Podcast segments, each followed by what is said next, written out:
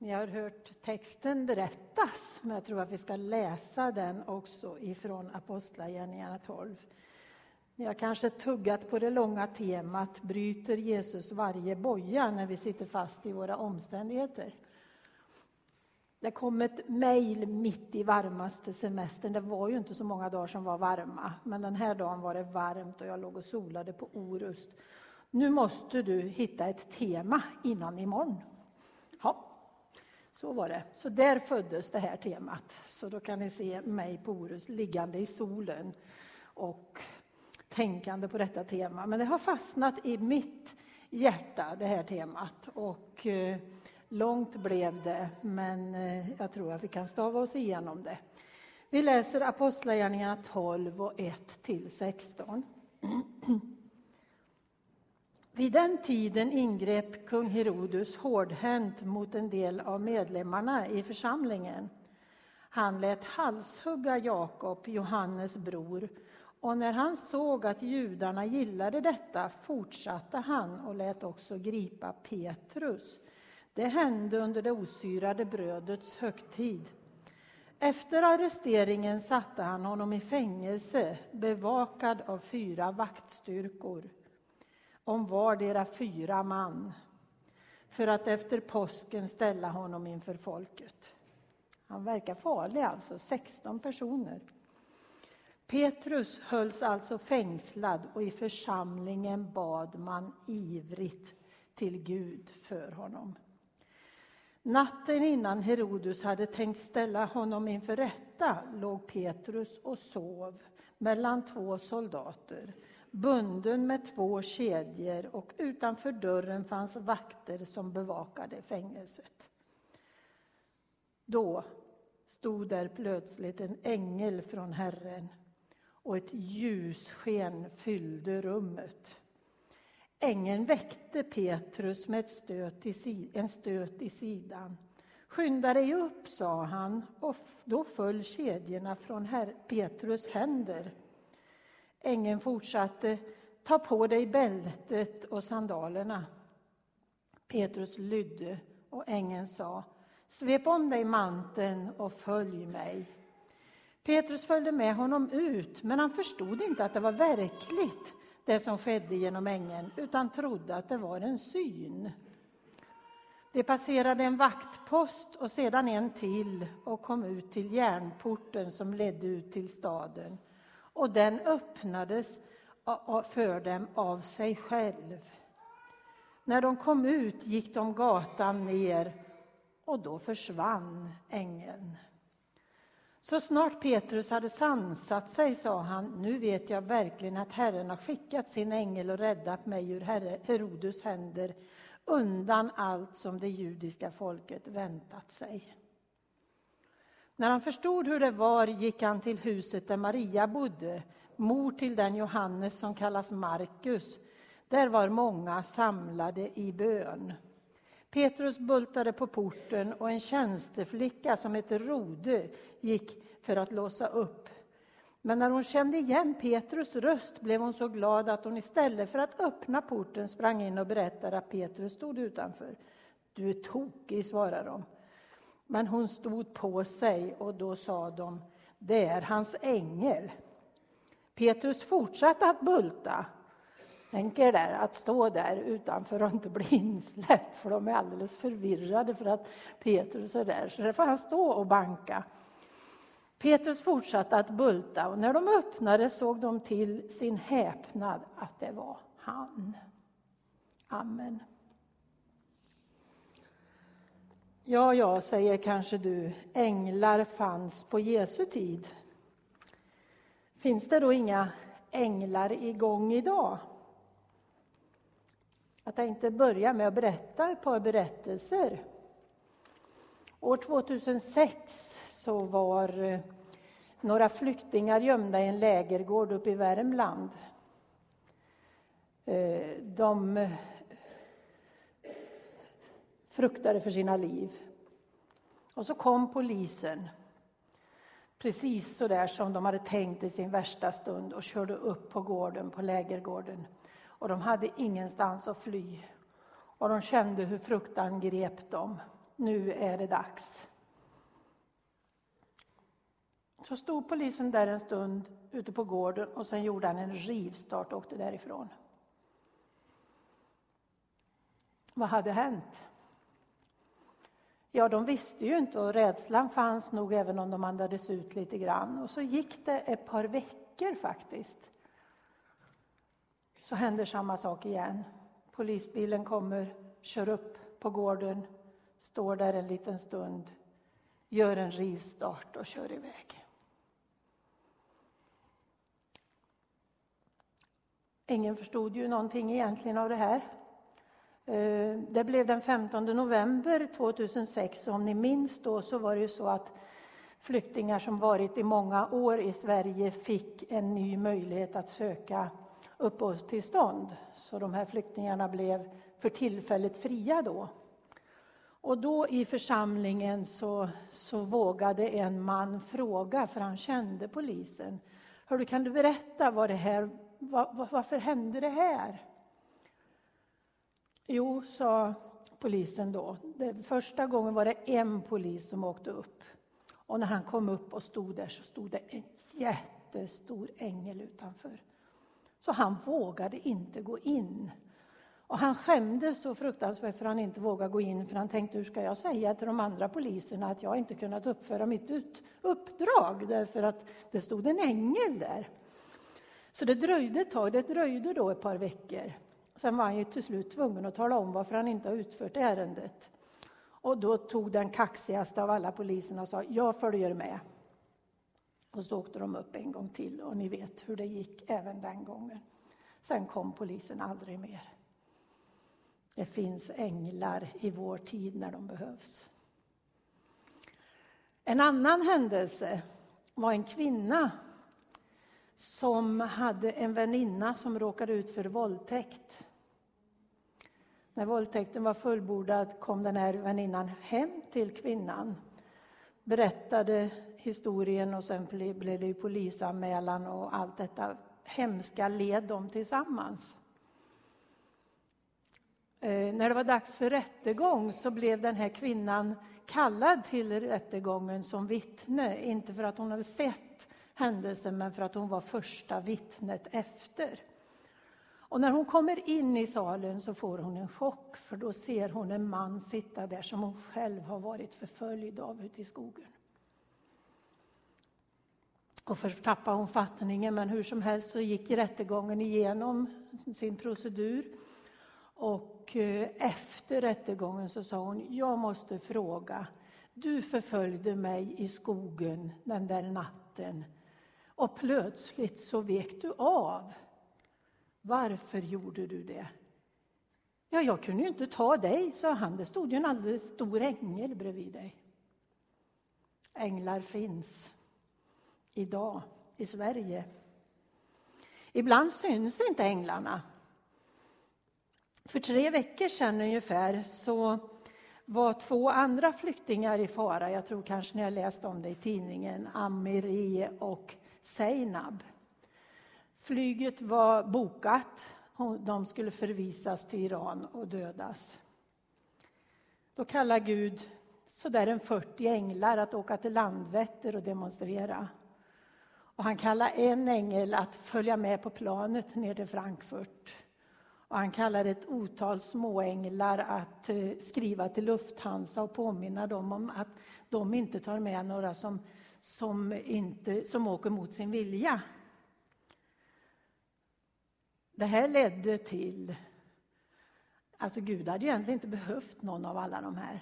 Men han älskar att samarbeta med oss människor. Och det ledde till det undret att innan kvällen var över så stod Amiré och Seina på svensk mark igen. De kom aldrig till Iran för eh, Lufthansa tog inte med dem på planet.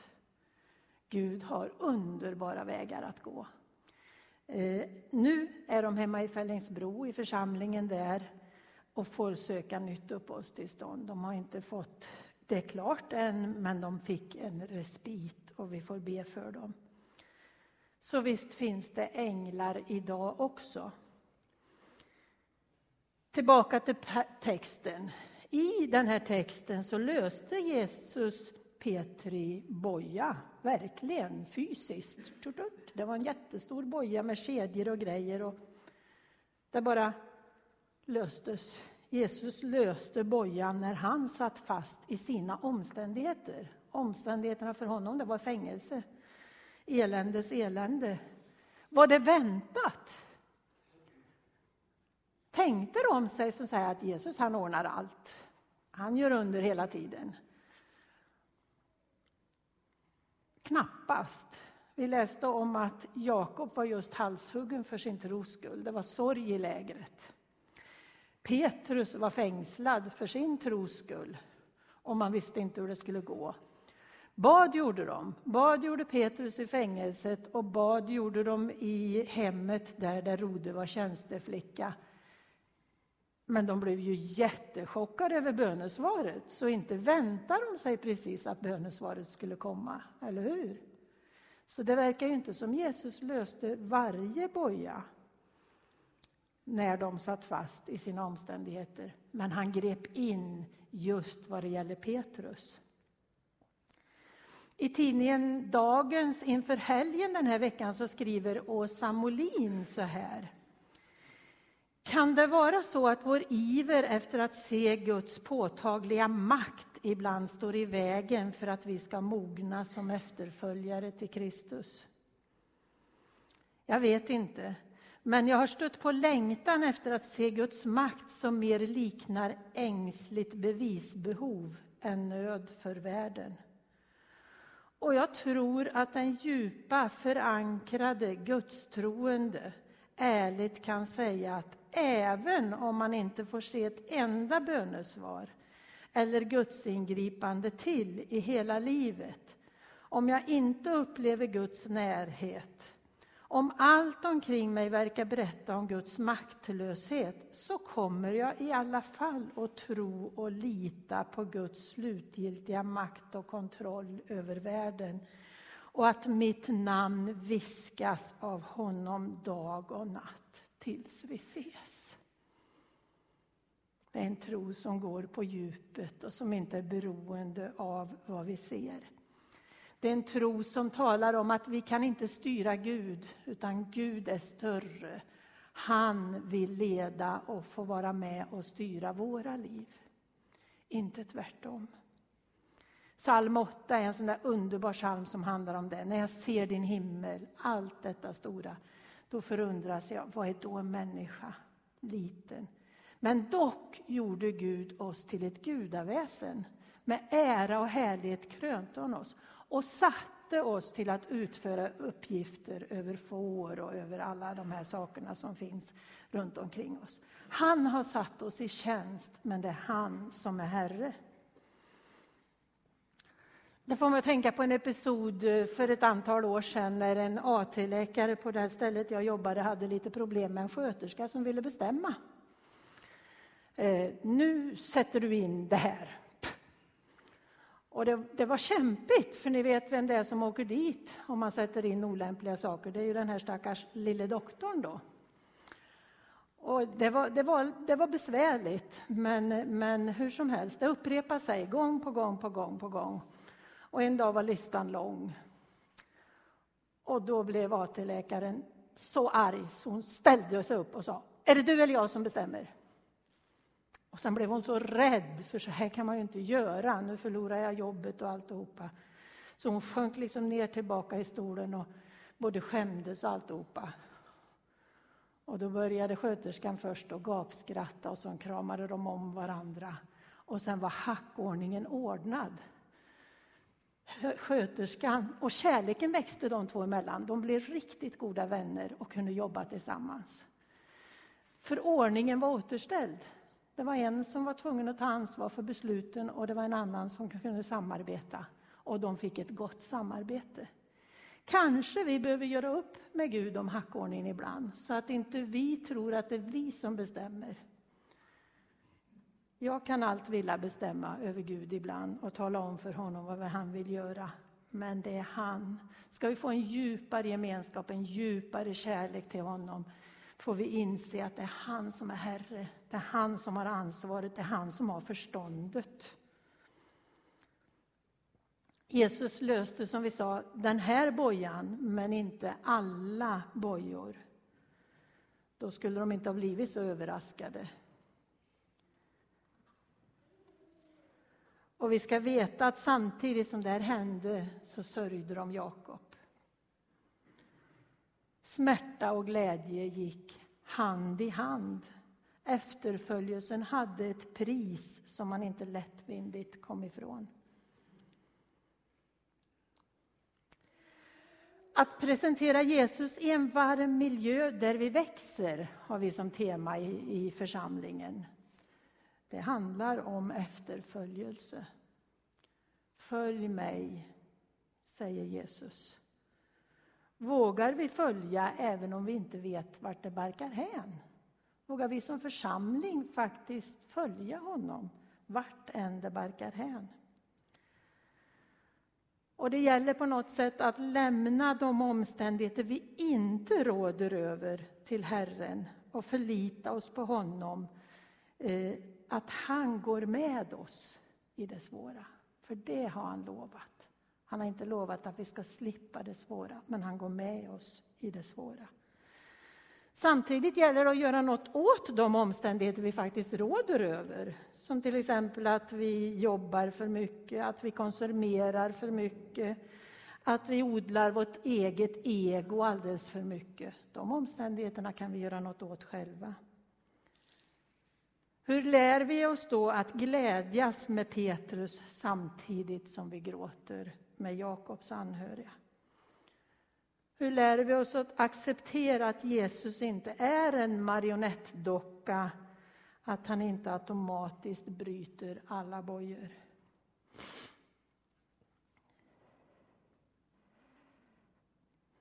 Låt mig avsluta med en tanke ifrån Per Arne Dahls bok. Per Arne Dahl är ju en präst och själavårdare som arbetade mycket med de sörjande från Utöja. Eh, han har skrivit en bok som heter, han har skrivit många bra böcker. Han har skrivit en bok som heter Varför har vi det inte bättre när vi har det så bra?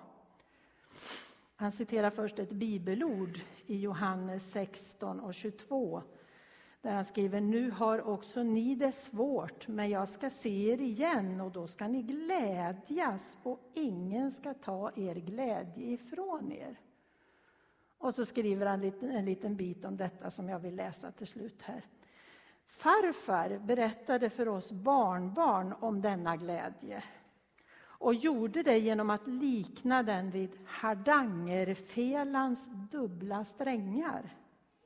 Översträngar och understrängar i par. Melodin spelades på översträngarna i dur eller i moll men understrängens ton är densamma hela tiden. Farfar talade om hur vi måste lära oss att skilja mellan översträngen som är vår föränderliga upplevelse av livet och tron och understrängen som är knuten till skaparen och frälsaren som är densamme igår, idag och i all evighet. Det är min bön, att vi får stämma understrängen så att den knyts till frälsaren och skaparen. Då har vi en fasthet i livet, i med och i motgång. Låt oss be. Herre, tack för att du är Herre över allt skapat. Tack att du är vår Herre och Mästare. Tack att du har allt under kontroll.